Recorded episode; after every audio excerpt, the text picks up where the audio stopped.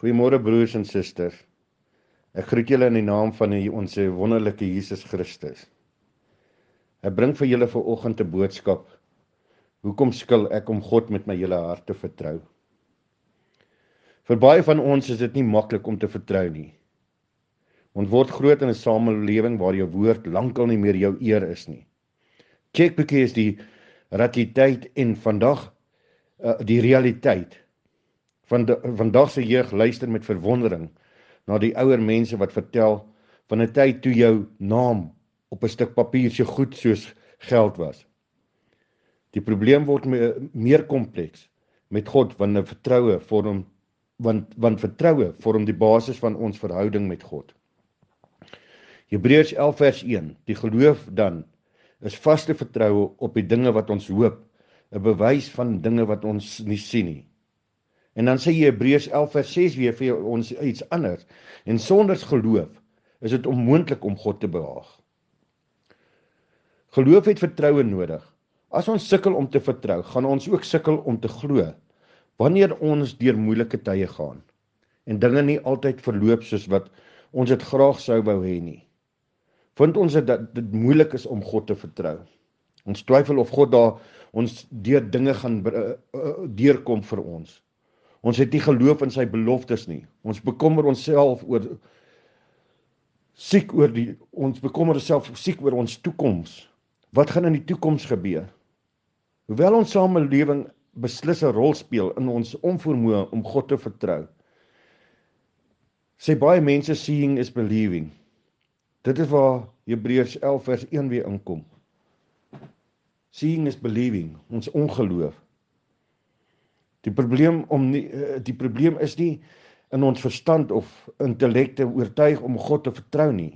Indien intellektuele instemming al is wat nodig was, dan het God slegs nodig gehad om goeie sprekers op op te rig in plaas van kerke en predikante. Ons kon onsself dan ook met die goeie argumente en aanhalinge uit die Bybels oortuig om te glo. Vertroue en geloof sou dan nie 'n probleem gewees vir die meeste me Christene nie. Die waarheid is ongelukkig dat baie Christene wel trust issues het.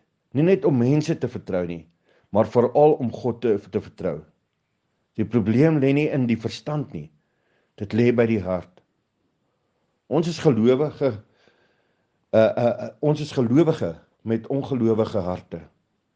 Hebreërs 3 vers 12 sê vir ons: Sorg daarvoor, broeders, daar nie miskien in een van julle 'n baie ongelowige hart is deurdat hy van die lewende God afvallig word nie. Die verwysings hierna broeders in die teks hierbo identifiseer die die die die identifiseer die gehoor. Dit is 'n medegelowige met wie hier gepraat word medegelowiges met ongelowige harte.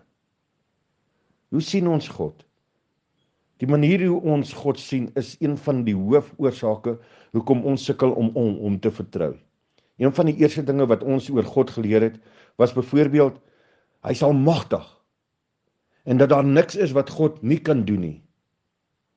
Ons het ook as kinders al reeds geleer dat God in beheer is van elke situasie. Self vandag nog kry ons gereeld boodskappe wat lees Don't worry, God is in control. God is in beheer van alles. Vertrou net op hom. Iemand het eendag gesê dat is dit as dit waar is dat God in beheer is, dan hoe is dit regtig nie goed by implikasies? Het ons God daarom in ons harte verantwoordelik begin hou vir slegte dinge wat met ons of met mense rondom ons gebeur het? Vra soos hoekom is daar oorlog, hongersnood, verkrachtings, al hierdie dinge? Daar's vra om te sê maar Here, ek het U gevra. Maar tog het U nie deurgekom nie. Maar tog bly God in beheer. God is die een wat weer wel vir ons al hierdie dinge wel doen.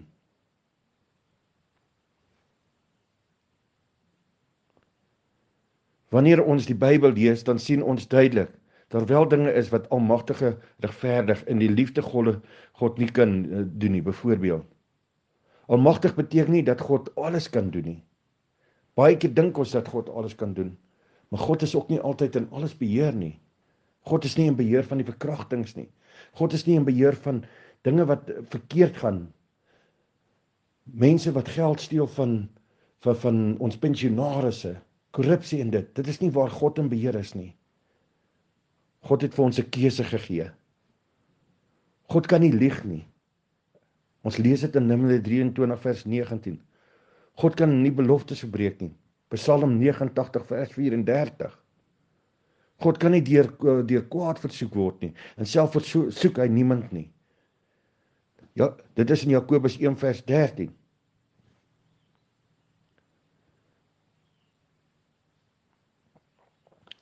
Ons moet weet vir oggend dat ons ons vertroue absoluut op God moet sit. Laat ons ons geloof in God moet vertrou. En met ons hele hart en nie met ons denke nie. Ek weet soms is dit moeilik in 'n situasie waar ons is. Maar kom ons gee vir God die eer vir oggend. En bid en vra vir hom. Here, dat hy weer vir ons die vertroue laat ons vertroue op hom kan gee. Dat ons ons hoop op hom kan plaas. Ek weet in hierdie situasie van COVID is daar baie mense wat ver oggend sit en dink, maar ek het soveel gevra. En as jy ver oggend dink God hoor jou nie. As jy dink hy werk nie, dit is serieus wanneer hy werk. Kom ons bid saam. Ons hemelse Vader, Here, ek bid vir oggend hierso dat U die vertroue wat ons so in U plaas, Here, dat U ons sal daai vertroue sal openbaar in ons. Here, en laat ons nie met ons denke ongeloof sal wees nie. Maar met ons harte weet dat waar U besig is om te werk, werk dit. Seën ons vandag. Seën ons regering. Seën ons kinders. Ons vra dit nie omdat ons dit verdien nie, maar omdat ons U vertrou. In Jesus naam. Amen.